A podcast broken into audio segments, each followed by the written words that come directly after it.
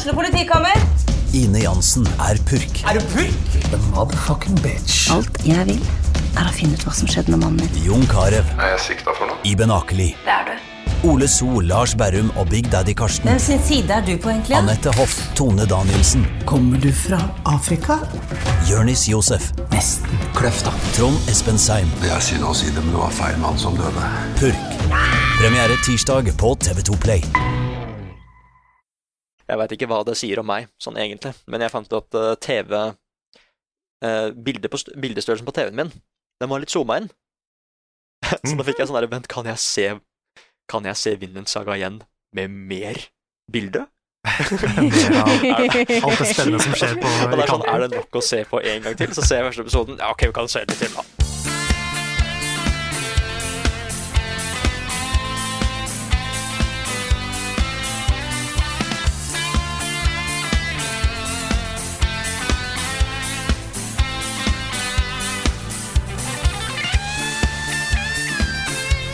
Snufs, snufs, host, host. Ja, det er jo eh, Det er jo de tidene her. Denne podkasten her, Level Backup, kom i dag. Opptak fra live-innspilling på en måte greier fra mitt soverom. Fordi jeg sitter jo nå hjemme. Eh, Jeg har også fått hjemmekontor, sånn som tydeligvis resten av Norge. Nå er ikke det nødvendigvis en veldig ukjent ting for Level Up å ha hjemmekontor, Nei. men nå sitter vi her. Hallo, folkens. I dag har jeg med meg Karl Martin Hogsnes og Niklas Halvorsen. Hvordan har vi det i dag? Nei, vi har det bra. Vi, vi mangler jo eh, vår, vår faste mann Rune i podkasten i dag. Og det er fordi vi har, eh, vi har en eh, litt sånn ny ordning i Level Up, hvor vi hver åttende uke så tar eh, da, i dette tilfellet, da, Rune en, en liten pust i bakken mellom de faste tinga. Så derfor så var det spilluka med Nick og meg, og podkast med Nick og Frida og meg Yeah. i dag. Det er rett og slett bare for å, for å få litt avbrekk, og ikke Ja, bli helt utbrent. Det er, det er sant, for vi har, liksom, vi har jobba i uh, Vi har vært indie i fire år nå. Og uh, jobba liksom dager og kvelder og helger og alt, egentlig. Så litt sånn for, for å få litt avbrekk, så har vi innført det. Og jeg, jeg tror det er lurt, fordi jeg vet at i hvert fall, hvert fall jeg, jeg skal ikke snakke for eh, Rune, men i hvert fall jeg har følt litt på litt sånne utbrent uh, symptomer uh, av og til. Så litt for å unngå at vi, at vi krasjer. Ja, men det er Det er viktig å ta sånne ting seriøst. Det er det. Det er det. Så jeg tror det er lurt. Ukens hotteste. Og tema for denne ukens ukes hotteste Ukens, ukes, ukens hotteste Ukes hotteste. Var vanskelig dette her Er at alt er avlyst. Åh. Alt i Ja. hele verden er avlyst. det er ikke langt ifra. Det Nei, er jo det er, Vi har jo hatt eh, korona som et tema tidligere, har vi ikke det? Jo. Jo. Men nå er det såpass mye som skjer. Én ting er på en måte i resten av verden, men det skjer veldig mye i spillverden òg, som jeg tenker det er godt å få dekka. Eh, det er ting som er nyheter. Nå har vi jo fått bekrefta at innenlands er jo The Gathering avlyst. Mm. Mm. Som er jo det største datapartiet som er, som er, i Hamar i påskeferien. Da er avlyst. Um, så kom jo den ikke veldig uforventa nyheten om at E3 er avlyst. Mm. Og så har vi òg Vi kan ta og slenge det på med en gang. Vi har en liten kunngjøring sjøl. Vi har bestemt å avlyse livepodkasten vi har i Tønsberg. Det har vi. Ah. Og det er uh, samme begrunnelse som, eh, som alle andre, egentlig. At vi, eh, vi er jo redde for at folk skal komme, bli smitta, og smitte mennesker som ikke tåler det. Og det, det er på en måte farlige situasjoner som vi kan unngå, og derfor så velger vi å gjøre det. Mm. Vi følger, vi følger sterkt eh, eh, FHI, Folkehelseinstituttet, sine eh, opp, eh, oppfor, oppfordringer, er det det heter? Oppfor, ja, Ehm, og jeg har i tillegg via NTNU fått beskjed om at jeg skal unngå alle private reiser med kollektivtransport. Så jeg hadde jo ikke kommet meg ned til Tønsberg heller. Um, da er på en måte en måte å se på det fra, fra min side, men det er jo selvfølgelig da at vi har ikke lyst til å samle folk som kan være smitta, sånn at andre blir smitta pga. et arrangement vi har. Det har jo litt med vår samvittighet å gjøre òg. det er det. Mm. Men, eh, men TG og E3, Ja, det Det er er en jo større to- greie. Kjempeevents. Ja. Eh, altså, E3 er jo litt større enn TG, men sånn i norsk skala så er jo TG noe av det største vi har av eh, nerdearrangementer. Ja, det er sant. 5000-6000 mennesker vanligvis. Og det Jeg kan ikke huske at det har blitt avlyst før, så dette er jo en, eh, en litt sånn unprecedented situasjon. Det er jo da, og eh, sånn som alt annet som har skjedd For vi spiller jo den her inn på torsdag. Det er jo veldig mye utvikling i, i nyhetsbildet nå, eh, så ting kan endre seg til denne podkasten kommer ut, bare så det er sagt. Men eh, det er jo sånn som Erna Solberg sa i dag, at det er jo de mest drastiske tiltakene som er blitt gjort eh, i Norge utenfor krigstid. Og Mm. det er jo derfor naturlig at større arrangement blir avlyst, og de har jo sagt at alle arrangement over 500 personer skal avlyses, og det er litt flere enn 500 på TG. Det, det, er det. Mm. Mm. Så det er fullt, fullt forståelig hvis folk er bummed over at ikke de får vært på TG i år. Det er, eh, det det er kjempetrist. Men, eh, men det er vel ikke noe tvil, i hvert fall blant oss, om at dette her var riktig valg. Absolutt. Det er ikke noe som på en måte TG-arrangørene kan klandres for, og det gjelder egentlig alle ting som har blitt avlyst nå. Eh, så blir jo det gjort rett og slett på grunn av folkehelseårsaker. Vi har jo lyst til å unngå at eh, folk skal bli smitta unødvendig. Mhm. Eh, så det er jo naturlig at et sånt valg blir, eh, blir tatt. Og så er det jo E3, da. Vårt kjære Ja. E3. Uff. Det er jo lenge til E3 skjer, så det er Ja, noe det som har tenkt på eh, Var det litt tidlig å komme med den beskjeden her? Men jeg tror Fordi det er veldig mange som fikser reise og sånt i sammenheng med E3, og derfor tror jeg det var Mm. bra at de kom ut med det tidlig. Bare for å ha gitt beskjed til de som det er relevant for. Ja, ja vi, vi har jo vært på E3 et par ganger eh, da vi var i VG. Og det var jo ofte sånn at vi, det var lurt å bestille reise og hotell sånn i januar, f.eks. Oi. Så, så det er nok mange som allerede har bestilt, og eh, nå må kansellere det ene og det andre. Mm. Jeg tror eh, Jeg altså det Jeg vet jo ikke helt eh, hvordan ståa er på det tidspunktet, men jeg skjønner jo godt at de har valgt å avlyse det. I hvert fall Messo. Da er jo vanskelig å si hva som kommer til å skje. Vi har jo fått litt spørsmål. Nå, jeg, nå har jeg jo ikke gjort leksa mi. Jeg har ikke funnet fram og Jeg beklager. Jeg har jo dette her på en plass her. Eh, men det er jo ikke alle som har live eh, pressekonferanser på en sal, sånn som mange av de har. Mm. Eh, vi har jo fått spørsmål fra annet Lars Magne Valen, som spør hva syns du Altså, E3 er avlyst pga. koronavirus. Vil dere dekke streamene til de forskjellige deltakerne? Blir det noe av penneleken? Vi har ikke bestemt oss for hva som skjer under E3 ennå. Og da tror jeg òg vil avhenge litt av hva eh, eh, utviklerne sjøl kommer til å gjøre. Nintendo har jo for eksempel bare en livestream. Den vil nok kanskje gå som normalt. Jeg vet ikke hva som kommer Vi vet ingenting, egentlig. Eh, vi sitter ikke på noe mer eh, fancy informasjon der enn resten av befolkningen, i hvert fall sånn som det er nå. Mm. nei.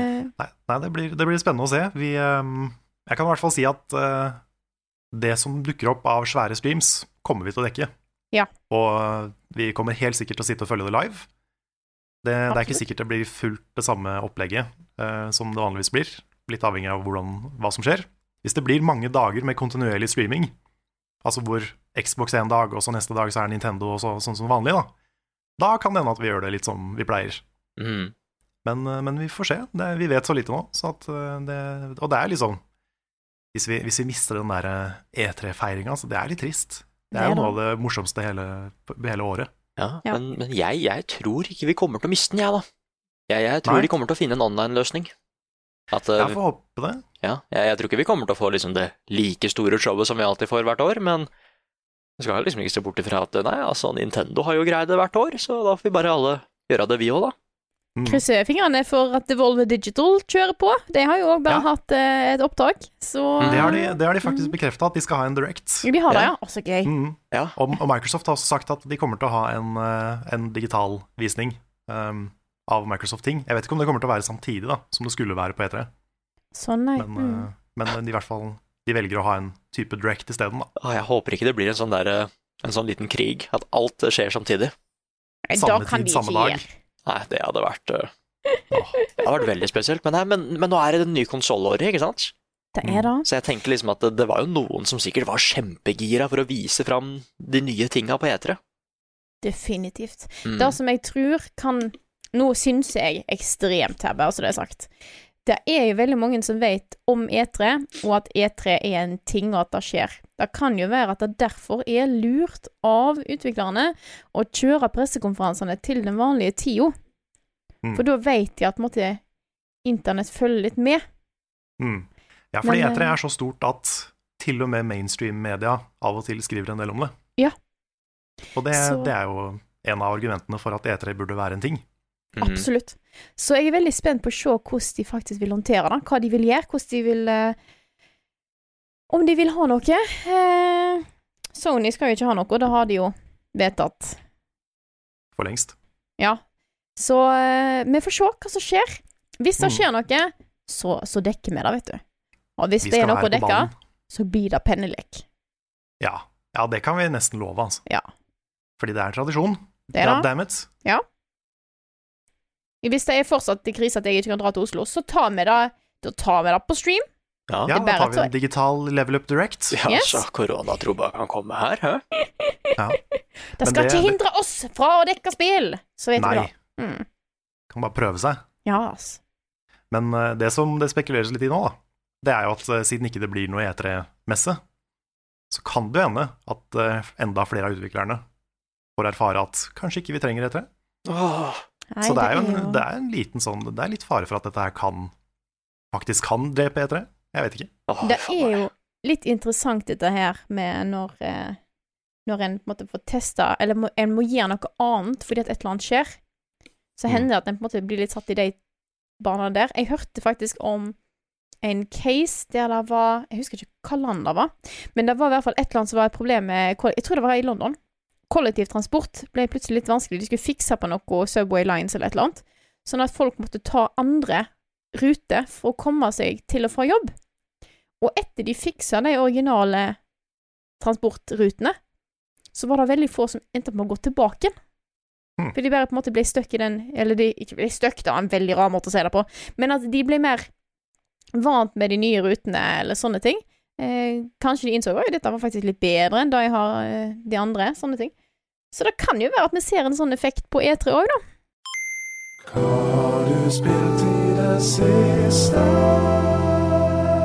Nå er det jo litt gøy, for nå har vi jo alle tre spilt helt splitta nye spill.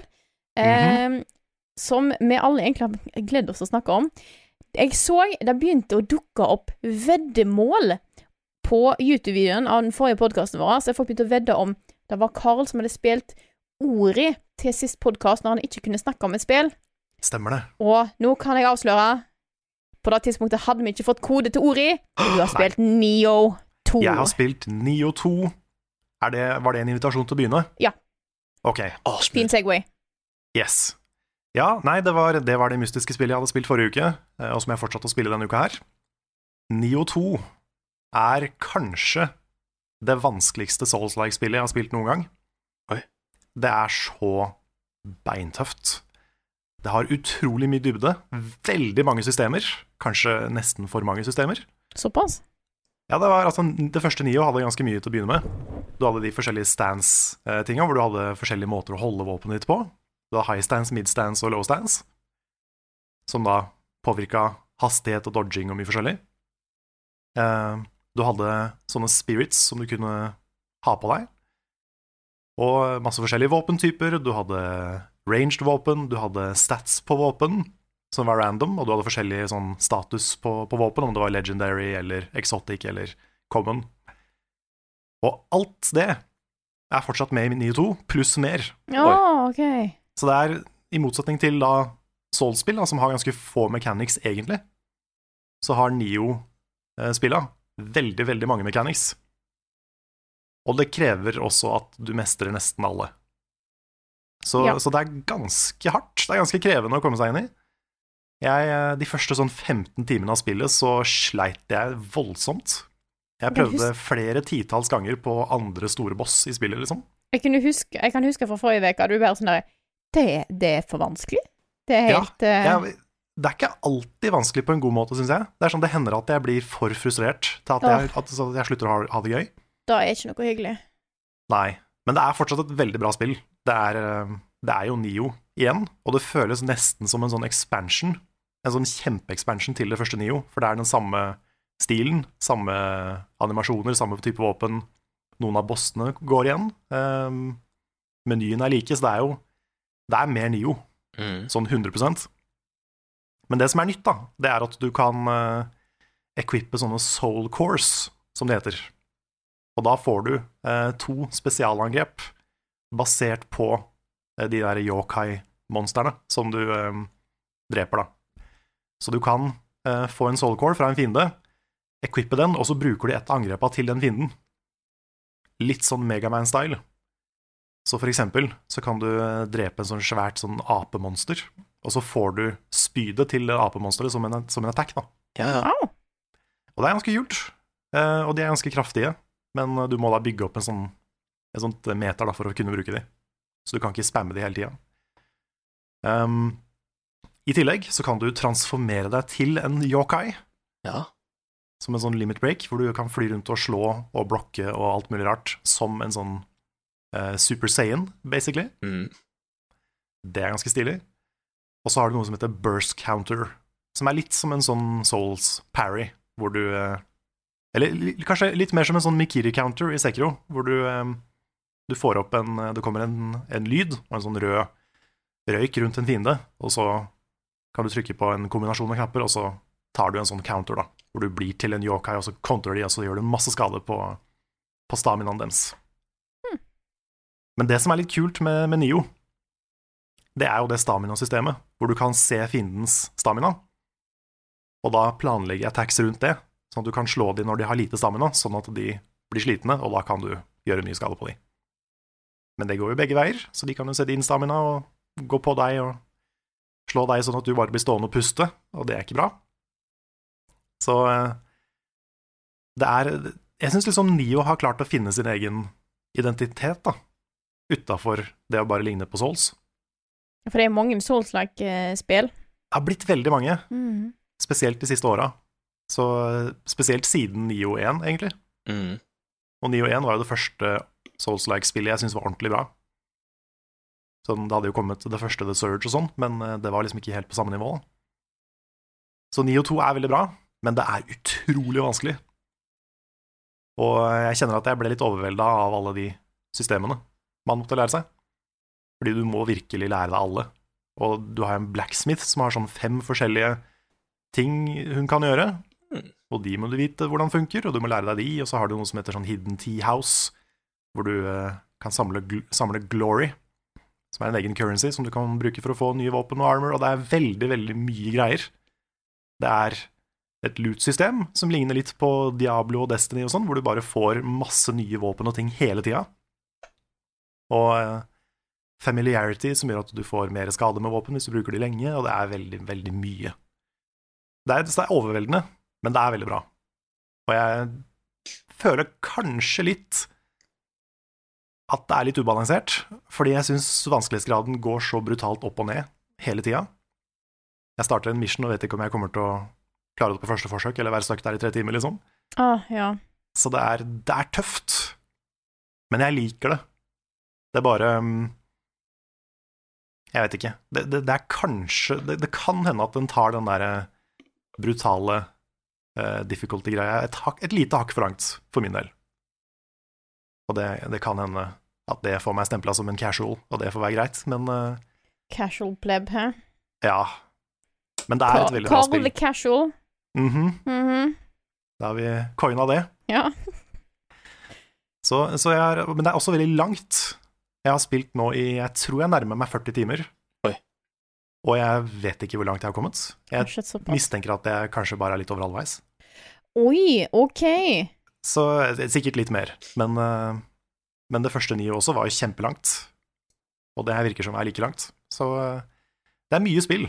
Men er det, Og- er det Her er spørsmålet, da. Er det langt fordi det er mye innhold, er det, eller er det langt fordi at du blir stuck på hvert eneste punkt i Nei, det er begge deler. Ja, OK. Det er mye innhold. Det er veldig mye, for det er jo level-basert. Det er ikke sånn som i Souls at det er en åpen verden, men du har eh, nye baner, da, som du bare velger fra en meny, og så går inn på de. Eh, og der har du main missions, som er lange. Det er liksom et svært område per, per mission. Og så har du submissions, som er litt kortere, men som eh, utspiller seg på noen av de samme karta. Så du drar jo til de samme stedene igjen, men med nye objectives og, og sånne ting. Storyen er ikke sånn kjempebra. Den, eh, den er bedre enn i Nio 1, fordi der var det jo bare han derre Discount Geralt Mm. som eh, fløy rundt og ikke var så spennende, egentlig. William. William. Som er jo basert på en historisk figur og sånn, så det er jo, det er noe der. Men, um, men Nio 2 har litt mer, for du har jo en character creator. Ja. Og det er kult, fordi den er veldig bra. Den er sånn kjempebra. Du, kan, du har flere forskjellige liksom, typer hår som du kan kombinere og sånn. Og det er jo det viktigste. Det viktigste det- character creators er hår. Det er helt rått. jeg bare ser for meg hva eh, flott karakter du kan lage på en streamcall. Ja. Jeg har lagd en veldig fin en nå, da. Når du en sier kul- fin, er det, hva, hva er definisjonen hva, Hvor tenker du fin her nå? For at hvis jeg, altså jeg, Turbokun var jo en veldig fin karakter. Ja, veldig fin, det er sant. Ja. Det er sant. Nei, dette er litt mer sånn tradisjonelt uh, kul samuraidame. Ok. Så um, hun har laga nå, er, er ordentlig kul. Hun ser liksom Hun ser sånn elegant og badass ut. Ah. Så jeg, jeg liker henne veldig godt. Mm -hmm. Um, men du har utrolig mye options, og du kan til og med customize da yokai-formen din. Oh. Hvordan den skal se ut, med forskjellige horn og sånn. Det er kjempekult. Så, så den, er, den er kul. Så det er veldig mye bra i Nio 2. Jeg eh, blir litt frustrert noen ganger, fordi det er så grisevanskelig. Men, um, men det, det kommer en anmeldelse av det. Jeg må bare komme meg gjennom Jeg føler at jeg burde komme meg gjennom spillet, selv om det er veldig langt. Så jeg tør ikke å love noe om når den kommer, men, eh, men den kommer. Yeah. Og så skal jeg ikke minst spille litt coop med Nick og Svendsen, fordi det er masse coop i 9 og 2, Ja. og jeg gleder meg til å spille det i coop med dere. Ah, Det blir kjempegøy. Men nå skal jeg slutte å rante om 9 og 2, for da kommer, kommer resten i anmeldelsen. Skal jeg ta og fortsette med det som jeg har spilt siden sist? Jeg er veldig spent nå, Frida. Fordi vi Altså, nå Jeg vet ikke hvor mye inside-info jeg skal gi om hvordan eh, em, ting har vært med, med kode og sånt her. Eh, vi fikk jo først en kode som var til Xbox One X, som jeg ikke har. Så måtte jeg eh, Så jeg satt jo og bare kryssa fingrene og venta, for denne tror jeg vi fikk rett Det var forrige fredag, tror jeg. Noe sånt. Nei, jeg husker ikke om vi fikk det. I hvert fall, da, så fikk vi tilgang til PC-versjonen på lørdag.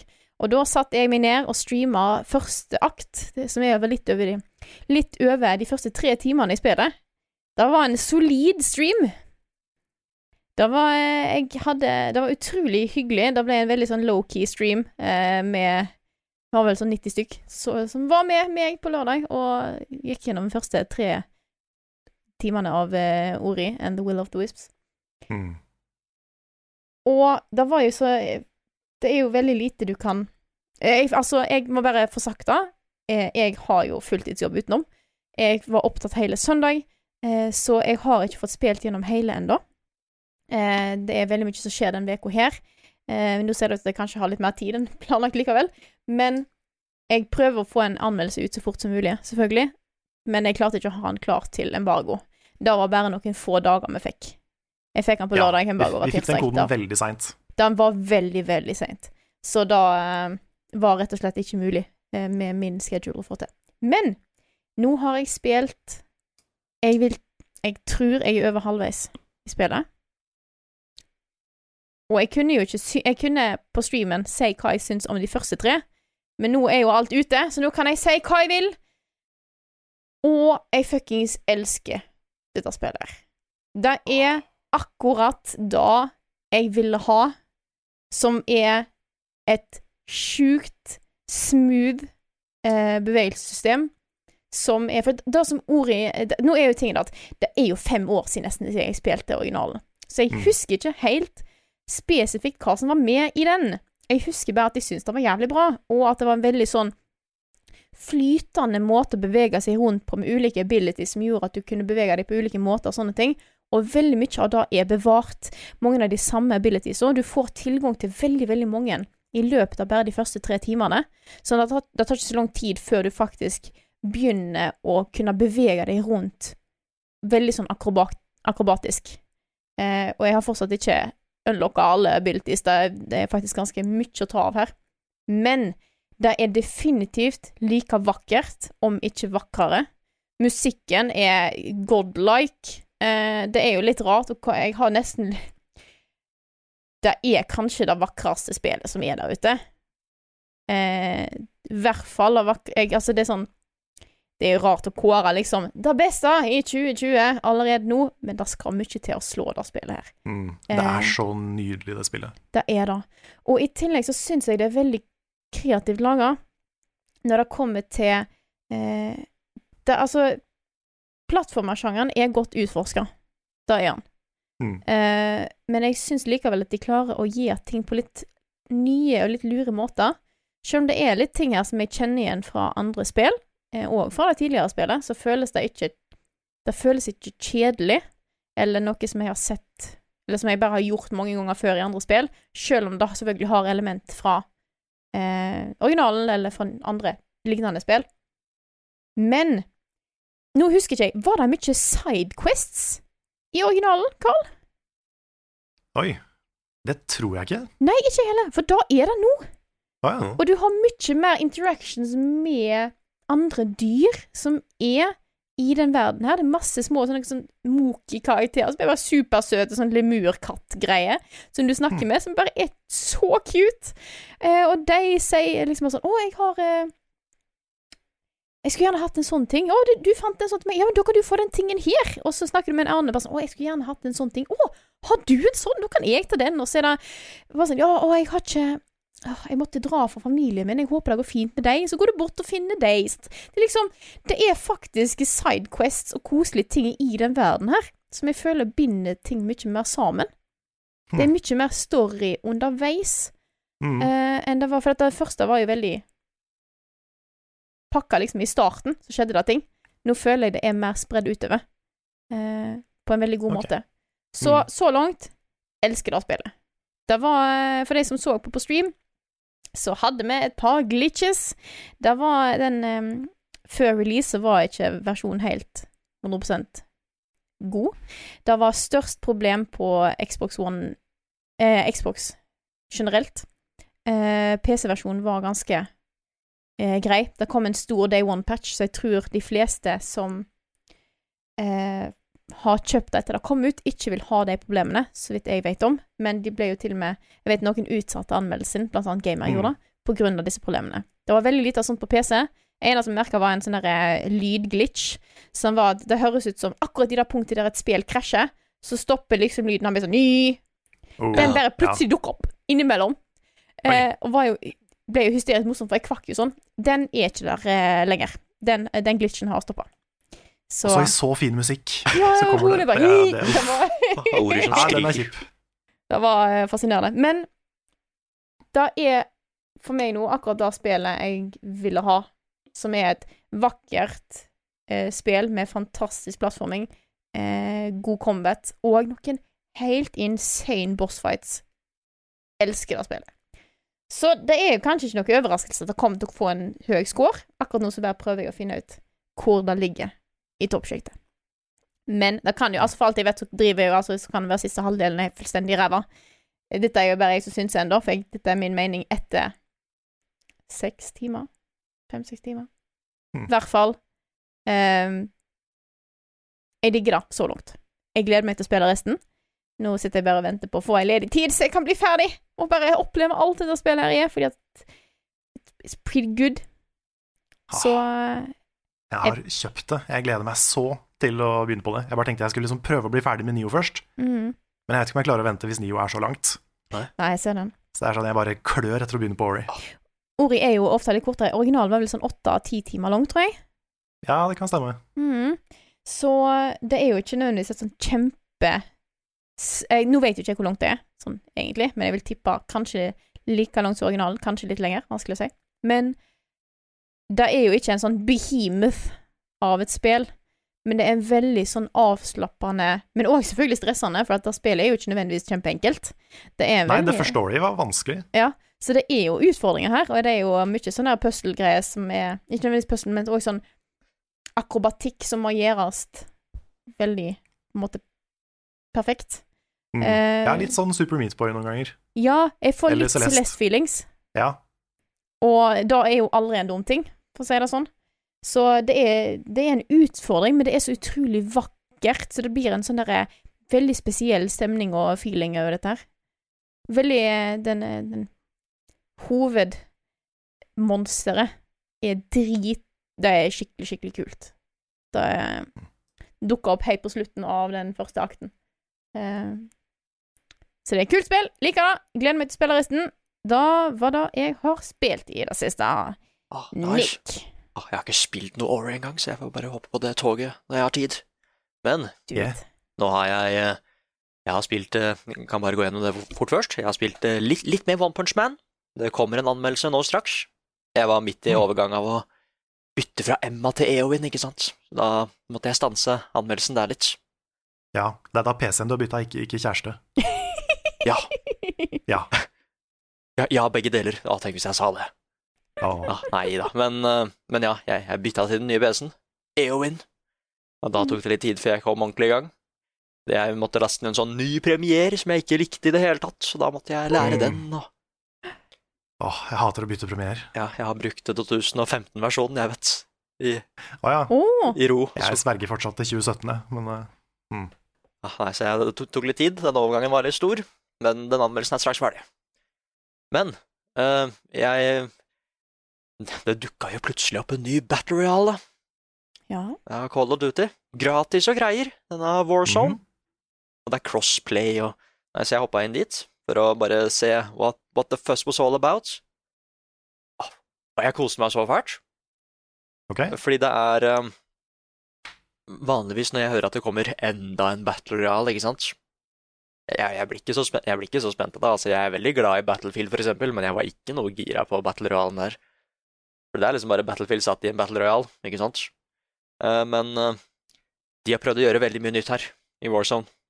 Fordi den store forskjellen er at uh, i eh, Det er ikke nødvendigvis en Battle Royale, sånn egentlig. Det er 150 spillere. Det er det. Og alle er samla på ett kart, og da må det liksom være den siste, den siste gruppa igjen, så klart. Eh, men kartet har objectives og sånn, Oh. for det er en valuta i dette, dette game-modet her. Med så er det egentlig bare money, cash. Men eh, det som er, er at rundt omkring eh, så er det objectives som for eksempel eh, Bounty objectives, drep denne bestemte spilleren, få penger. Ta over dette bestemte området, få penger. Finn denne boksen, få penger. Ikke sant? Og penger kan du bruke til for eksempel Det er sånne små bokser som du kan bruke pengene på. Hvor du enten liksom kan få et nytt loadout, du kan skaffe mer rustning, du kan skaffe en sånn sprøyte som gjør at du kan revive deg selv én gang. Men det som også er interessant, er at du kan bruke penger til å, uh, til å gjenopplive døde teammates. Hmm. La oss si at du er liksom helt på slutten, du er aleine. Hvis du har nok penger da, så kan du gjenopplive døde teammates, da. Så det er liksom Det er flere ting å tenke på. At ja, du må drepe Du må drepe de andre og være forsiktig og være litt sneaky og sånn, men av og til så er det kanskje lurt å gå for penger òg, da. For du får veldig mye, du får veldig mye benefits av det. Som killstreaks og litt sånn. Og så er det bare at Men uh, uh, nei, um, hvordan får man en bounty på seg? Sånn, hvordan blir man den spilleren som skal drepes? Nei, fordi det er eh, Det, det er sånne små icons på kartet. Uh, og det er sånne contracts, som det heter. Og hvis du går på den, da, da vil en tilfeldig spiller, slik som jeg skjønte, få en bounty på seg. Aha. Og da har du så og så lang tid for å ta ut den spilleren. Du får vite hvor på kartet. Sånn noenlunde, ikke sånn pinpoint, men nøyakt, litt sånn ja, 50 meter radius da, på hvor denne spilleren er. Eh, Og da, hvis du tar ut spilleren her, så får du en svær pengebonus, og hvis spilleren overlever, så får han en svær pengebonus. Ja, ok. Så det er veldig mye sånn fram og tilbake, da. Da hadde jeg fått panikk, ass, hvis jeg fikk den bountyen Ja, fordi det skjedde flere ganger da jeg, da jeg spilte Da jeg spilte i går. Jeg vant til og med en gang også, det var litt kult. Oi, eller- førsteplass, liksom? Ja, eller jeg holdt på å si Det, det er ikke noe sologreier der akkurat nå. Nå er det bare teams, og teamet mitt vant. bra jobba, Wow. Nick. Ja, tusen takk. Applaus. Ja, applaus. Nei, det, det, det, var ikke, det var ikke min fortjeneste. Jeg, det tok litt tid å komme seg inn i Cold Duty igjen. Jeg hadde litt Ja, altså, jeg brukte over 30 timer på å vinne min første PubG-kamp, og jeg gjemte meg i en busk. ja, men, Så, eh, Du gjorde det aleine, ikke sant? Jeg gjorde det aleine. Jeg gjorde det. Ja, fordi det, det har ikke jeg gjort ennå. I Call of Duty og sånn. Jeg har vært med, med laget mitt. Nei, eh, og da fikk jeg litt sånn her panikk, for det kommer en sånn høy lyd bare A player has set a bounty on you! Sorry! Og da får hele Hmm. teammaten det den meldingen der, og da må du liksom bare Ok, greit, skal vi stå her nå? Nå kommer denne ringen, den begynner å bli mindre. Skal vi stå her? Skal vi vente? Vi kan få gode penger, men vi, vi må være litt paranoide og litt beskyttende òg, ikke sant? Det, det skaper noen veldig kule situasjoner, da. For det er ikke sånn at teammatesene dine bare dytter deg ut i elva, liksom, Jo, altså, hvis du vil. når du får en bounty. hvis du vil. Men jeg hadde, teammatene jeg hadde med, var sånn at ok, vet du hva, nå løper vi inn i det huset her. Nå skal jeg sette ned miner og claymores overalt, så skal vi beskytte deg, kompis. Det var sånn, åh, Nice. tusen takk, ass. Og da kan vi liksom høre ja, Vi kan høre lyden av biler og sånn her på vei hit. Bare å, fy fader, nå kommer de! Nå kommer de! Nei, så det, det var dritkult. Jeg elsker den objective-greia der. For det Jeg ser for meg slutten på Skyfall, jeg nå. Ja, altså Det var litt sånn at liksom Ja. Du hører at verden er imot deg, da. Mm. Og det er en ganske heftig reward òg. men uh, jeg liker bare det at det, det er mer å liksom finne på enn å bare finne et sted å gjemme deg, ikke sant? Mm. Det er liksom at eh, skal vi prøve å gjøre noen objectives mens vi er her? Nei, skal vi prøve å finne loot? Jeg er ikke helt sikker. Men det som overrasker meg mest, er at hver gang, og dette er helt nytt, det har jeg ikke sett før i Battle Royals, hvis du dør, så havner du i fengsel. OK. Og, og da har du en mulighet til å komme tilbake i spillet igjen hvis du dreper en i fengselet. For da blir det sånn der one-on-one-match. Så da blir det sånn at det er greit, folk venter på sin tur, og da er det en sånn Ja, nå er det din tur, one-on-one. Hvis du tar ut den spilleren her, så får du en sjanse til da, til å komme tilbake igjen. Så Wow. death is not the end, av og til, da. Det er litt gøy at de For at Battle Royale ble jo veldig på en måte Fikk jo en formel, og sånn skulle det være. Dette er oppsettet. Dette er oppsettet for Battle Royale. Sånn skal det være. Og jeg syns det er litt Mm. gøy at når du har store spillserier som Call of Duty, da, som innser OK, vi har lyst til å lage en Battle Royale, hva kan vi gjøre for å gjøre det annerledes? Ja. Det syns jeg er litt viktig. Og egentlig litt kult å høre at de har fått det til, virker det som, på en, på en veldig ny måte. Ja, det er litt sånn derre Det er derfor jeg nesten ikke helt kaller det for en battle royale, for det er mer sånn party battle royale, med objectives. Mm. Nei, så jeg, jeg likte den komboen kjempegodt. Jeg har lyst til å spille mer. Eneste Ja, som jeg ikke liker, er at det er Det er bare en maks eh, squad limit på tre spillere. Den Mm. er litt dum. Altså, gå for fire, da. Ja, det Ja. pleier å være fire, gjør det ikke det? Ja, ikke sant? Uh, så så Mm. den, den syns jeg Den syns jeg var litt teit. Håper det kommer litt Ja, for flere. tenk, på det, en kompisen som var med å spille PubG, så får ikke den personen være med i squaden. Ja, ikke sant? Eh, de har sagt at grunnen til at det er sånn, er fordi at eh, eh, folk kan hjelpe hverandre med penger og sånn. Eh, for eksempel, okay. hvis jeg har veldig mye penger, så kan jeg liksom kjøpe en kul ting til deg, da, for eksempel. Så vi kan hjelpe hverandre sånn, og jeg har hørt at det er en sånn balansegreie der, med at var det én spiller for mye, så var det litt enkelt å få bra lut med en gang. Så jeg, Ja, sånn, ja. jeg skjønner den, Mm. men jeg er fortsatt litt sånn Balancing issues, da. Mm. Ja, jeg kunne ønske det var fire, men jeg, jeg skjønner det, hvis det var en sånn balancing-greie. Mm. Men eh, det som jeg fortsatt eh, Eller jeg, jeg sier at eh, jeg hater jo, fordi jeg er en Call of Duty-spiller, det er at folk har jo armor og sånn i denne Battle Royalen. Og det gir jo mening, fordi det fins jo bedre våpen der, ikke sant? Tires på våpen, så da må du ha litt armor. Noen er bra mot armor, og noen er ikke. Men jeg er veldig vant til at ting skal gå så fort i of Duty. Liksom, du ser en spiller, bam! Han er død, ikke sant? Mm. Og jeg har den der kod-refleksen med at bare, ok, da så jeg en spiller, rapp, rapp, rapp, han skal være død, men hvis han har armor, så er han jo ikke død. Og jeg har ikke fått den refleksen bort ennå. Hm. Så han, de tåler litt mer, med denne rustningen.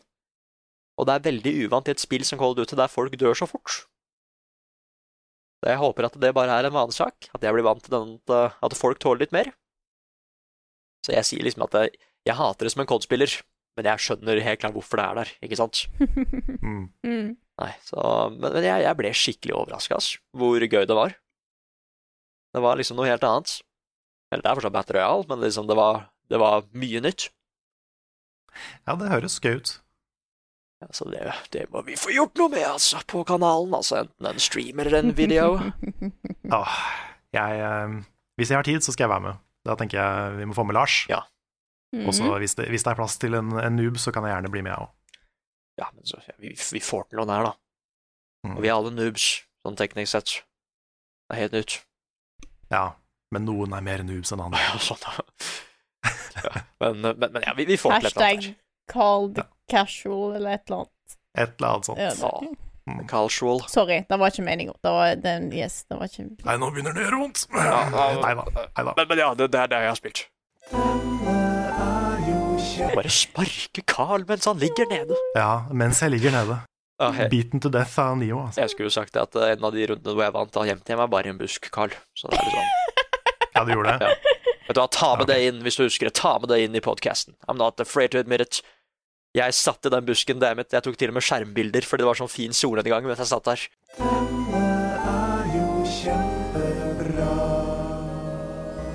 Ukens anbefaling. Og jeg setter over til Carl. Ja, nei, Nei. Nick. Nick. Nick. Det var nesten. Sorry. Det var én av to, og jeg bomma. Sorry, Carl. Jeg veit du hadde lyst, men jeg tar den i dag, jeg. Ok. Det er bra du hopper inn på kort varsel, Nick. Nei, fordi eh, nå kommer jo den tredje sesongen av Netflix Castlevania ut. Og jeg hadde jo ikke sett noe Castlevania, jeg vet. Nei. Eh, Så da, da bare endelig på tide å hoppe inn, for jeg hørte at sesong tre hadde fått ti av ti noen steder, ikke sant? Altså, jeg holdt på å si en serie basert på et spill for ti av ti. Altså, sign me up. Jeg må vite hva dette her er, da. Mm -hmm. uh, ja, så anbefalingen er åpenbart da Castlevania, hvis uh, Ja. Uh, og, og der Den første sesongen der jeg, jeg er så glad for at jeg venta med å se det til nå. For hadde jeg starta da den serien ble lansert, liksom, da hadde jeg blitt så sint. Den første sesongen, den er veldig bra, men det er bare fire episoder. Så det er jo ikke en serie engang, nesten. Eh, men eh, det Castlevania handler om, da, er at det er, eh, det er Dracula. Han er skurken. Jeg skal ikke si nøyaktig hvorfor han gjør det han gjør, men han har bestemt seg for at nå Menneskeheten liker jeg ikke, ass. Nå skal jeg sende mine Armies of Hell for å ta dem ut. Og da er det jo så klart noen som er nødt til å stoppe den, ikke sant? Mm. Og jeg ble så overraska fordi Dracula Jeg har ikke spilt så mye Castlevania, men han har alltid bare vært en sånn superskurk, ikke sant? Dracula. Ja. Men her er han Han er så god og fletched out i den serien her. Du vet hvorfor han vil liksom ta ut menneskeheten.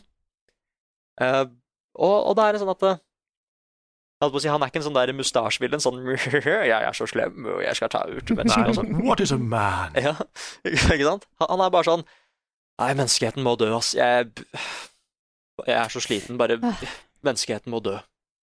Nå har Ja, de gått Søren klype. Ja, nå har de gått for Mhm. langt.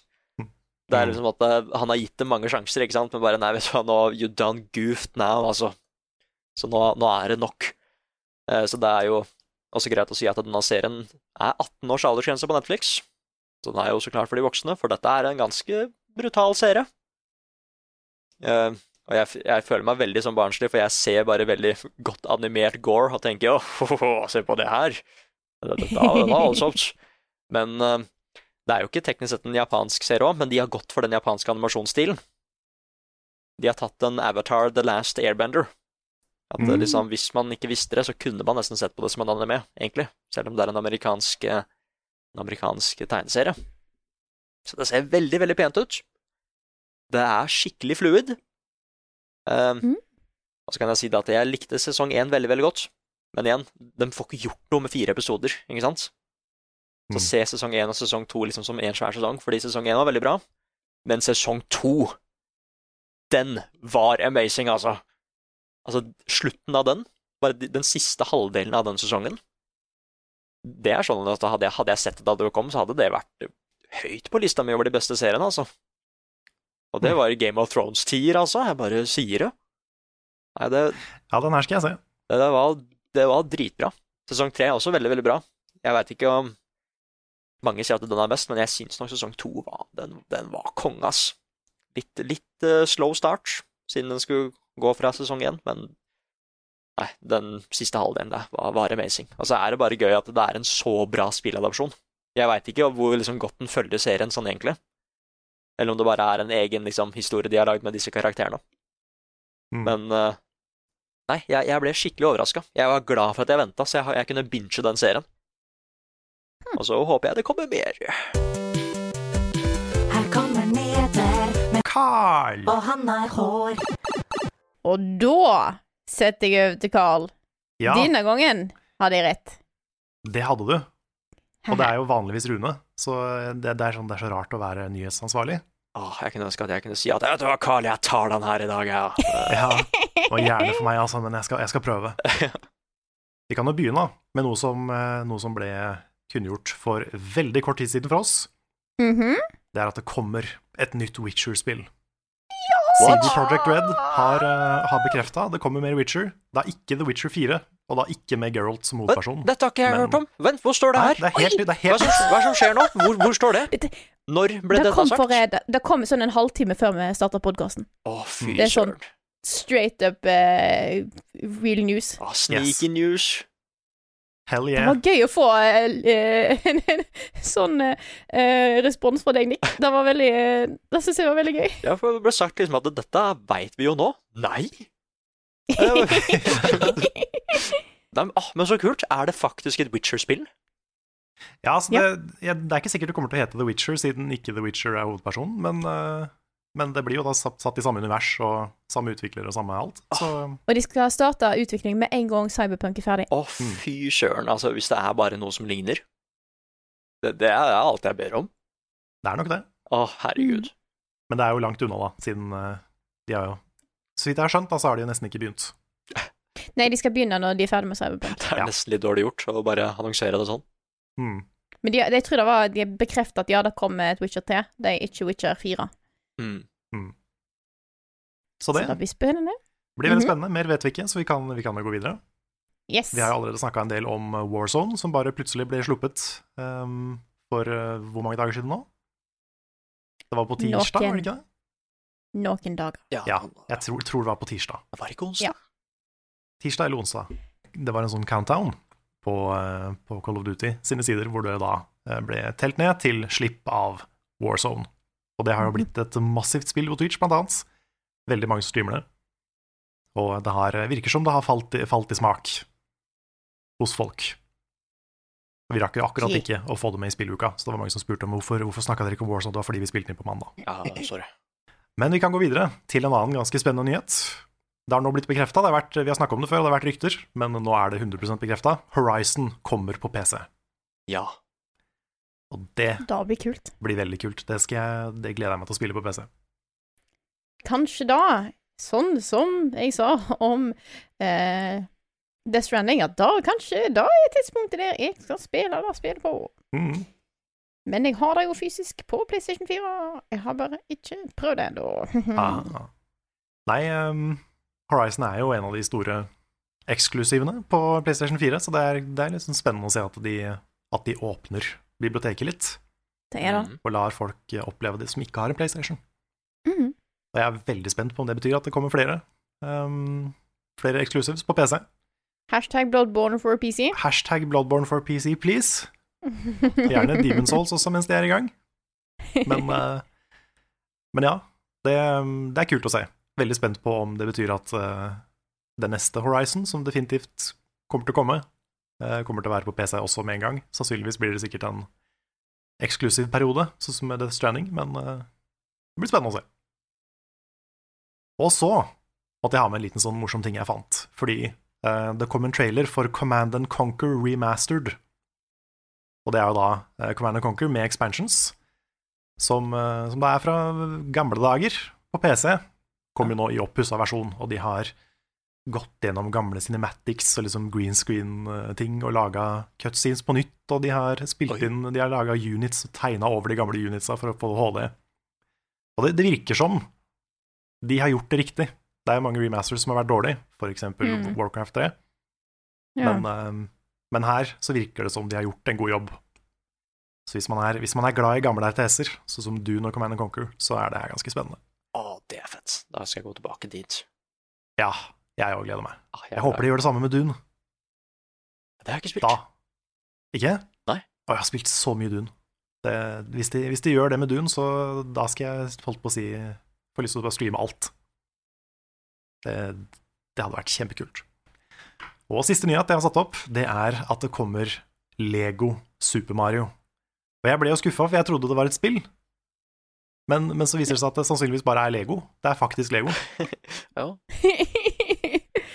det er jo litt kult, da, likevel. Altså, jeg tror eh, Lego er en utrolig stor franchise. Ja, Eh, og sånn sett er det en litt sånn kul crossover. det er det. Jeg det har tror det er vært, mange eh, det har vært eh, Lego som vil Sonic også. dette. Så jeg syns eh, generelt at Lego eh, har mye kule produkt. Det er jo en del som syns at å bygge ting i Lego er veldig sånn mindfulness. Ja, jeg var veldig Mm. glad i Lego da jeg var liten. Hadde svær Lego-samling. Mm. Men jeg likte å bygge, jeg var ikke så glad i å leke med Lego. Det var sånn jeg bygde de, og så var de på en måte ferdig. Ja, same. Ja, Mm. men uh, Nei, det er gøy med Lego. Det er bare, Jeg så for meg et sånt Lego Super Mario-plattformspill, jeg nå, og så bare Å ja, ok, nei, det var, det var ikke det. Du ble faktisk litt lei deg. Jeg ble litt, litt lei meg, Ja. men, eh, men det kan hende jeg skal ha meg en liten sånn Lego Mario-figur. Det hadde vært koselig, det òg. Putta på hylla. Ja, putte på hylla. Eh, hva kommer egentlig nå? Jeg har ikke peiling. Hva kommer nå? Ukens wildcard-spalte har Carl med til oss. Jeg har egentlig ingen anelse om hva det er du har planlagt. Nei, jeg tenkte jeg skulle overraske dere med en, med en liten Det er litt sånn type quiz som vi har hatt før, Ah, okay. men med et nytt tema. Oh. Dette er ekte eller fake Robot Masters fra Megaman. Jeg vet ikke hvor mye dere kan om Robot Masters fra Megaman, men jo mindre dere kan, jo bedre, egentlig. Oh, jeg lite. går på quiz! Ja, men det, Dette blir Det blir spennende. gøy. Kjør på. Vi kjører jeg er på. klar. Da bare begynner jeg. Yes. Så real or fake? Pegasus Man. Og den høres fake ut. Nei, da, da sier jeg at den, den, er sann. Sier jeg da. Bare Da hadde Frida rett, den er fake. Ja, ok, greit. Yes! Neste Sheepman. Eh, Og den høres dum ut nok til å være rett. Men jeg vet ikke. Den er vanskelig. Hva sier du, Nick? jeg sier at den er også fake. Den er også fake. Nei, um, fordi den forrige Den forrige var fake. Nei, vet du hva, den her er Mhm. riktig. Jeg går og sier at den er riktig. Det er helt riktig. Sheepman fins. Ok, greit. Hei! Neste Snakeman. Å, den Den fins. fins. Den, den vet jeg fins. Ja, Megaman 3. Ja. Ja. Ja. Helt riktig. Taurusman. Uh, Eh, tor hva er en Taurus for noe? Det er sånn okse. mm. Noe Jeg- Ja, for da Oxman, tenker jeg, da. Uh, vet du hva, jeg Ja, sier, de at, har en del fancy navn, da. jeg sier at den, den, den stemmer. Jeg eh, sier at den er fake. Frida har rett, den er fake. Din Åh, det, det var så spesielt ordvalg, ikke sant, så da ble jeg satt Frida ut. har alle riktige så langt. Herregud. Hei! Det er veldig bra. Neste Shadowman. Og den høres fake ut. Ja, men den er jo veldig generisk, da. Ja. Hmm. Ja, vi går for fake. Begge sier fake. Ja, kan. -hmm. Han er real. Han er real. han real? Han er ja. også fra Megaman 3. Ah, Det er det, ja. Crystal Man. Åh. Jeg har lyst til å si real. Vent, var den forrige ekte? Mhm. Ja. Å, men tar han ekte, fake, ekte, fake? Åh. Vi sier ekte. Vi sier ekte. Hva? Begge sier ekte. Ja. Ja. Det er riktig. Crystal Man er ekte. Ok. -hmm. Katana Man. oh. Jeg ser, for, jeg ser han for meg. Mm. Står der med et sverd, Ja. langt. Så har han kanskje en samurai-hjelm på seg. Mhm. Klar for å slå deg. Ja. Men jeg tror jeg sier at han er fake. ja, jeg sier også fake. Det hadde vært Swordman isteden. Det er helt riktig, Nick. Ja, Det, det fins en Swordman, men ikke en Katana Man. ja, ikke sant. Neste Mhm. Aquaman. Copyright. Copyright. Hva går det for, Nick? Jeg sier ekte her. Jeg sier fake. Poeng til Nick. Aquaman er ekte. Yeah! Han, fin, han fins ikke bare i DC. Nice, Og så Plugman. Plugman. Plugman. Han jobb, Dette høres ut som- jobber i lugubre bransjer. Dette høres ut som en japansk idé. Ja, Ekte. Ja. Ja, jeg òg går for ekte. han er helt ekte. Han er det, ja. Ja, Du de nevnte på Game Grumps, og da ja. Pyroman. Pyroman. Pyroman. Kan de ikke bare ha vanlige navn som Fireman, eller noe sånt? Ja, det finnes sånn 50 av det, vet du. Ja. Mm. Det er sånn 50 Firemans. Jeg eh, sier eh, fake. Nick. Ja, for det hadde de hatt Fireman først, føler jeg. Jeg vil si fake. Ja, eller Han er- mm, Ja. Mm. Nei, eller vet du hva, vi sier fake. De hadde hatt Fireman først. Det er riktig, han er fake. Ja, ok, greit. Men de, hadde, de har Fireman, men de har veldig mange De har Flameman og Blazeman og alt mulig. Ja, men ikke, ikke Pyroman. Ikke Pyroman. Og så Chillman. Chillman! Ah, Chillman. Den, den håper jeg er ekte. Ja. Men jeg får konkurran- eh, på en måte spenningens del sier at den er fake. Du ser ekte, Nick? Ja. Da er det likt. Nick fikk poeng, så nå har dere, nå har dere akkurat like mange poeng. Ok. Oh, oh, you're, you're going Da down, er det altså. siste, oh. the tiebreaker. Nå håper jeg dere velger en hver. Ok. Mm. Owlman. Nei, åh! Du, eh, hva skal jeg gå først, Nick?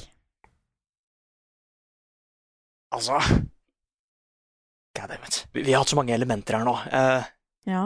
Mm. eh, jeg sier eh. Men eh, nå må jeg tenke. Jeg har aldri hatt en Ehm, ehm, Sier Det høres ikke, ut som, det høres ikke ut som en slem en, da. Jeg vil si fake. Eller Ja, si fake. Ja, Vi sier fake. da, går, da går jeg for Vi prøver fake. Vi prøver fake. -hmm. ok. Nick sier fake, Ja. Frida sier real. Det er for et snilt navn, så jeg tror ikke det er en boss. Da kan vi gratulere vinneren Nick. Det var fake. Det var nesten Frida, men Nick, Nick ja, stakk av med seieren på slutten her. Quiz har jo ikke vært mitt sterke punkt i level up-setting, har vi funnet ut. Men veldig mange poeng. Det var veldig bra jobba, begge to. Jo. Takk, takk, takk. ja thank you. Hva er dines best, hvor var fredag sist? Har Carl egentlig sopp? Ukens spørsmål. Vi hopper rett ut i spørsmål- og svarspalten med et spørsmål fra Kjetil Austdal Endal. Austad Endal. Enternavn er vanskelig. Hei, hva betyr Uncanny Valley? Hører dere stadig bruke dette uttrykket? Eh, så da kan vi jo ta og forklare. Vi har jo en del sånne ord som vi ofte bruker, som vi bare på en måte av og til antar at folk mm. kan, men det er jo ikke alltid tilfellet. Vi kan Nei. prøve å bli litt bedre på, på det når vi bruker sånne special words. Men- Ludonarrative dissonance. Den er fin. Mm. Men Uncanny Valley Hvem har lyst til å forklare det? Det er jo et eh, interessant begrep som dukker opp i andreplass enn bare spill i tillegg. Ah, Ja, det, jeg kan prøve. ja, det, er så mye eklere hvis du kunne tegne det. Eller ha, ha et Mm. bilde. Ja. ja, fordi se for deg en eh, Hvis du tar et, eh, et diagram, da, eller en graf, hvor du ser en, en linje som går sakte oppover, og så går den hardt ned før den går opp igjen. Det er på en måte Yes. bildet av The Uncanny Valley, og det handler om hvor mye vi liker, eller hvor mye vi man, Ikke hvor mye vi liker, men hvor eh, Hvordan vi responderer på en ting i forhold til hvor ekte den ser ut, eller hvor mye den ser ut som et menneske. Så det vi har på X-aksen her, er altså den som går horisontalt, er menneskelikhet. Mm. Eh, og i, på Y-aksen oppover så har vi eh, hvor godt vi liker det, eller hvor godt vi responderer på det. Mm. Så det vil si at grunnen til at det dypper når det blir ganske realistisk, det er hvis det ser ut som et menneske, men ikke helt. Mm. Så det Fordi- føles litt feil. Ja, fordi du, du går oppover. Jo mer og mer likt et menneske det blir, jo bedre liker vi det. Men så blir det så ekte at det begynner å se ekte ut, men samtidig så er det noe som er gærent. Ja. Og da blir Mm. det utrolig ekkelt og creepy og feil. Og det er noe som noen spill lider av, da. Mm. når de går for realisme, men de klarer ikke helt å naile det. Derfor så ser karakterene rare ut. De ser kanskje dokket ut, eller kanskje de beveger seg rart. At det ser ut som noe ikke stemmer. Mm. Så vi kommer til et grafisk nivå da, hvor noe må bli enda mer realistisk for at det skal funke. Fordi hvis det er sånn mellomrealistisk, så blir det feil. Og den Det dyppet i den grafen, den dalen der, er det som kalles uh, The Uncanny Valley. Mm. Det er akkurat i det området der det er Begynner å nærme seg veldig realistisk, men det er ikke helt der, og da blir det faktisk verre enn om det er litt mindre realistisk. Ikke sant? Mm. det, det er jo derfor mange spill, eksempel Witcher og sånt, går for en realistisk, men likevel ka, ikke cartoony, men litt sånn Stilisert. spill. Ja, stilisert stil, Mm. eh, enn å prøve å få det så ekte som mulig. Yes. Mm. Ja, det er akkurat som med det er sånn også- dårlig CGI. Vi er trent til å se virkeligheten, liksom. Så hvis det er noe som Ja. ikke helt stemmer, så blir vi satt ut med en gang. Mm. Det er, det er helt sant. Så det er i hvert fall den beste definisjonen vi kommer, kommer på akkurat nå. Mm. Det, det handler om at ting er realistisk, men ikke realistisk nok. Og derfor så er det creepy. Og rart. Creepy. Yes. Yes. Skal vi ta neste spørsmål? Jeg har et spørsmål her på lur, hvis jeg kan ta det. Mm. Det kom fra Tormod Guldvåg. Han spør hvor bekymra er dere for Nick sin flytende tolkning av tallet ti? Og har dere lagt en organisatorisk plan for å rydde opp i denne vanskelige og sikkert djupt splittende situasjonen? For du hadde jo ei topp ti-liste, Nick. Ja. Med elleve spill. Nei, nå skjønner jeg ikke hva dere snakker om. Jeg... Nei. Men Du hadde, jo, du hadde jo også det, det var mye du sa på den delen der som var helt sant. Ja. Sånn som at du hadde, jo, du hadde jo spilt alle spill i 2019. Og det, Ja. Det, det kommer jo sånn 40 spill på Steam hver dag, så jeg er imponert, altså. ja, men Ja. jeg I made it work somehow. Du bare gjorde det. Ja, dere får bare stole på meg, altså. At jeg er rørt. Ja, altså, you've, you've never stared me wrong before, så jeg, så jeg vet ikke hvorfor jeg ikke skal tro på Nei, altså, Tro på jeg, alt du jeg, sier, jeg altså. kan jo tenke at det er veldig vanlig for folk at eh, hvis de skal lage en topp ti av det beste, liksom, så kan det godt Mhm. hende at du har også lyst til å snakke om noe mer, ikke sant, enn bare de ti. Mhm. Ikke at jeg gjorde det, for jeg fulgte jo regla, så klart, men andre havner jo Ja. i den situasjonen, da. Mm. At det liksom plutselig så har man lyst til å ha elleve eller tolv spill, fordi de fortjener å bli snakka om, de òg. Selv om de akkurat ikke havna Ja. på lista. Ja. Til de som ikke følger regla, så klart. Sånn som jeg Ja. gjør. For jeg har spilt alle spill.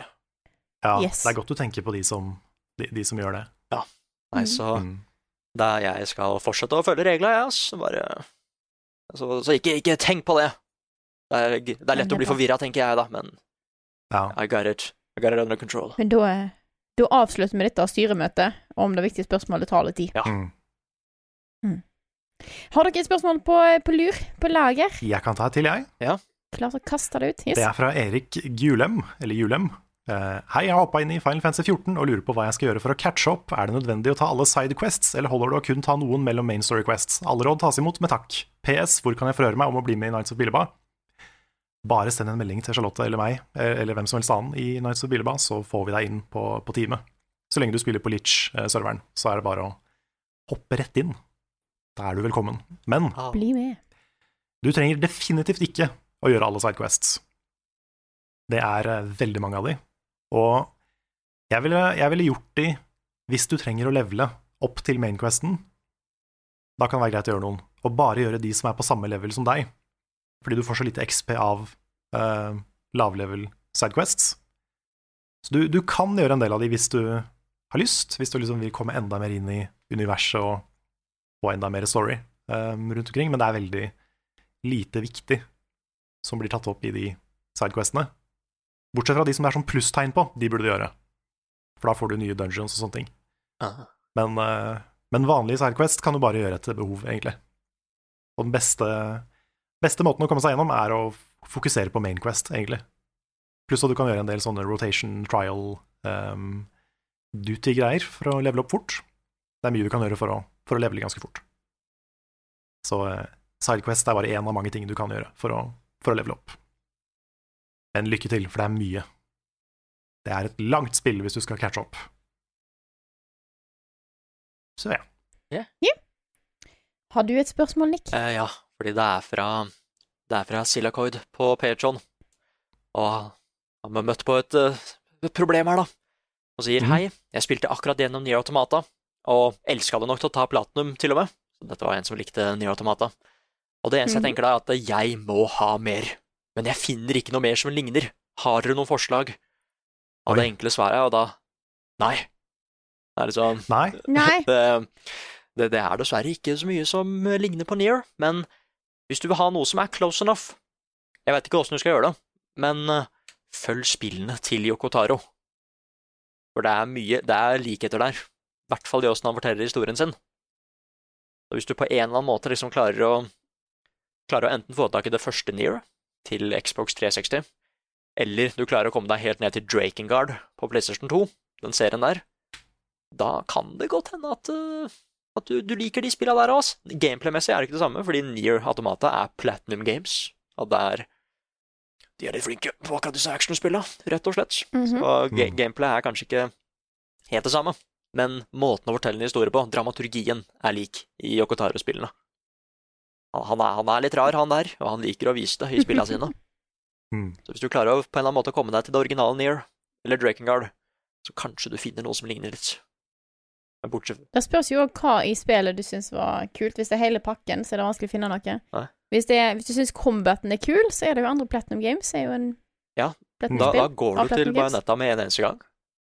Ja, da er på en måte den Hvis det er combat Hvis du syns combaten er kul, og har lyst til å bare på en måte ha et spill som er kun den combaten, bare mer avansert og mer kombo, så er det Bajonetta som er neste steg. Mm.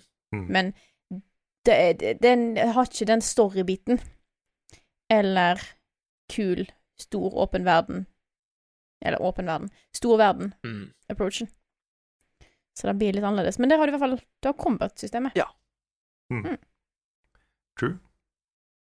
Skal vi se, kan jeg ta et spørsmål til? Du kan ta et til. Jeg fant et veldig bra et her fra, skal vi se, Christer Horne. Han spør ville spillkulturen vært rikere om de største og, og tyngste spillselskapene hadde ta, lagt lista lavere i forhold til størrelse slash lengde og omfang av spillene de lager. Nå må vi vente i årevis på spill fra f.eks. Rockstar, Bethesda med flere. Hva med å gi ut fem til ti timers kvalitetsspill litt oftere? Og jeg har egentlig bare lyst til å si ja. Jeg tror kanskje at vi hadde fått et, at vi hadde hatt et rikere spillunivers hvis uh, lista var litt lavere på lengde. Det er jo jeg òg tenk, jeg tenker litt Jeg ser jo den, men jeg tenker òg at det som i mange settinger tar tid for de store spillene, er jo på en måte å fikse enginen, Mm. lage konseptet, eh, få modellert og sånne ting. Og når du først har det på plass, så vil det gå fortere. La oss ta for eksempel Breath of the Wild, da. Mm. som eh, Breath of the Wild 2 ikke vil ta like lang tid å lage som Breath of the Wild 1, for de har grunnsteinene for spillet der. Så da er det bare å på en måte Bare å legge på mer historie og content. Eh, så jeg vet ikke helt Nei, det er sant. Det, Mm. I mange spill så har det nok ikke så mye å si nøyaktig hvor langt et spill er i forhold til hvor lang tid det tar å lage det. Men jeg tror samtidig at hvis um, flere av de store hadde flere små prosjekter, altså ting som ikke var fullt der oppe i trippel A og størrelse og kvalitet, eller altså kvalitet kan det være, men uh, ikke den samme massive blockbuster-budsjett-greia, da. Da er jeg helt enig i. Så, så tror jeg at vi kunne fått en del mer spennende, mer eksperimentelle ting. Det er mange kule historier som ikke trenger 40 timer på å bli fortalt. Mm. Så hvis de har mer plass til å ha de småprosjektene, så hadde jo det vært ganske stilig.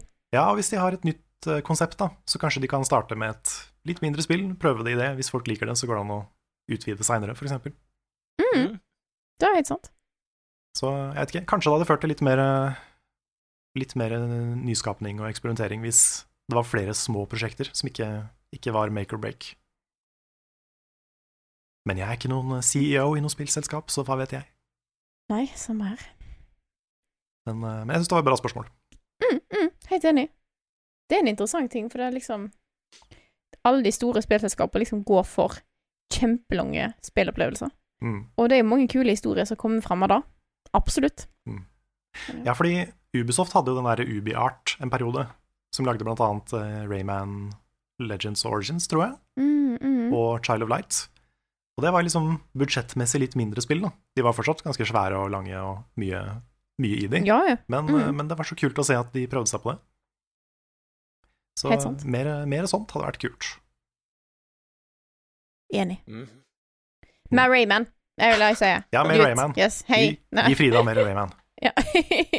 Kom Nei, det var ikke meningen å ta den tilbake igjen, igjen men uh, jeg, så, jeg så en mulighet.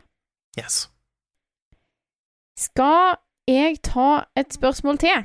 Gjør det. Vi har fått et spørsmål fra Espen Sannen, Sandnes Sørensen, som spør får dere noe nevneverdig inntekt av Twitch-streaming, og hvordan funker egentlig det? Og streaming er jo ikke det vi nødvendigvis tjener mest penger på, Nei, det er eller tjener Patreon. spesielt penger på, egentlig, i det hele tatt. Nei. Nei, vi, ehm, vi har jo nå blitt Twitch affiliates, som gjør at vi, mm. eh, vi, folk har muligheten til å abonnere på oss. Og da får vi vel litt av cutten på det på det, det koster. Det, det er vesentlig mindre enn det er på Patrion. Ja. det er det. Fordi at et subscription koster vel fem dollar. Og hvor mye er det Twitch tar? Er det 40 eller 50 eller 60 Ja, det, er nok sånn rundt halvparten, i hvert fall. Ja, de tar rundt halvparten. Eh, Patrion tar vesentlig lavere andel. Mm. Så det er ikke så mye penger som går til oss via Twitch, og det er en av grunnene til at vi eh, foretrekker Patrion. Mm. Fordi at hvis en skal støtte Dette er jo generelt, da. Hvis en skal støtte en, eh, en, en creator, content creator, eh, en plass, og de har på en måte, og du har valget mellom Patrion og Twitch, så er Patrion noe som vil gi mer til personen som du vil støtte, Mm. enn firmaet. Ja, ganske mye mer. Mm. Så det Patron er jo det vi alltid pusher på grunn av det. Mm. Um, men vi har fått noe på Twitch. Det har jo også vært en del folk som har donert litt underveis. Mhm. Og det uten at vi har noe sånn Jeg føler ikke vi har noe sånn donasjonskultur på streamene våre, men, Nei. men det er fortsatt noen som gjør det, og det er kjempehyggelig. Og det kommer jo opp en sånn Mhm. liten maksmekker når det skjer, så, så vi er ikke Det er ikke sånn at vi ikke har det med i det hele tatt. Og um, det vi kan si, da, var at de pengene vi tjente i løpet av det siste året uh, med streaming, det var jo blant annet det som finansierte den nye PC-en til Nick. Yes. Så, så noe penger blir det jo. Så det er ikke, det er ikke ingenting. Nei. Eh, men det er litt i forskjell til for eksempel Patron. Mm. Så vi gir ikke eh, Vi streamer jo fordi vi har lyst, eh, ikke fordi vi på en måte skal gi det for å tjene masse penger i seg sjøl, sånn sett. Nei, Nei det, er ikke, det er ikke en sånn kjempeviktig inntektskilde for oss i det hele tatt. Nei. Men det er eh, Alt hjelper jo, og Mm. når vi får uh, subscribers og donasjoner, så er selvfølgelig det kjempehyggelig. Absolutt. Som vi setter veldig pris på. For at altså, noen kan eh, Noen har jo mulighet til å kanskje ha en subscription på grunn av at de har Amazon Prime. Mm. Uh, og vi ser jo selvfølgelig Vi ønsker alle velkommen på, eh, på vårt team, uansett eh, eh, på hva måte de kommer til oss. På en måte, det var en veldig rar setning. Jeg skjønte hva du Dere, mente. skjønt, dere skjønte hva jeg mente. Yes. Mm. Har dere siste, eller skal vi ta en runde av der, kanskje? Vi kan kanskje runde av der? Ja. Jeg tror vi tar og runder av. Så da var podkasten for denne gangen. Dette er en spillpodkast utgitt av moderne media. Låten i introen og outroen er skrevet av Ole, Ole Sønnik Larsen og arrangert og framført av Kyoshi Orkestra. Vignettene er lagd av fantastiske Martin Herfjord og er par av Ole Fjell... Ole! Ole! Ole Fjell Olsen. Ole Fjell Olsen! ja, jeg har allerede glemt hva du heter. Ja. Rune Fjell Olsen. Mm. Du finner mye mer innhold fra oss på youtube.com slash levelupnord og på twitch.tv slash levelupnord. Og hvis du vil være med på å sørge, at vi, eh, sørge for at vi kan lage mye mer innhold eh, i tida som kommer, så er det bare til å gå inn på patreon.com slash levelupnorge og støtte oss med det beløpet du sjøl føler for. Eh, vi har òg merch, tenkte jeg å si. Det går på fanware. Eh, sin side, så kan du søke opp Level Up, så har vi merch. Mhm. Eh, tusen takk til alle som bidrar, og til alle som har hørt på. Og så snakkes vi igjen neste uke.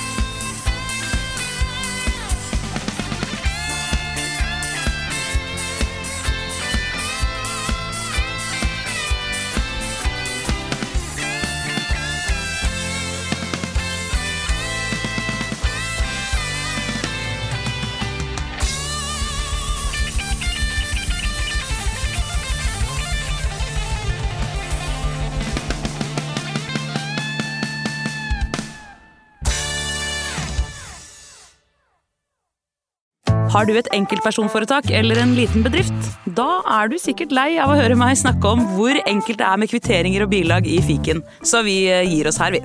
Fordi vi liker enkelt. Fiken superenkelt regnskap.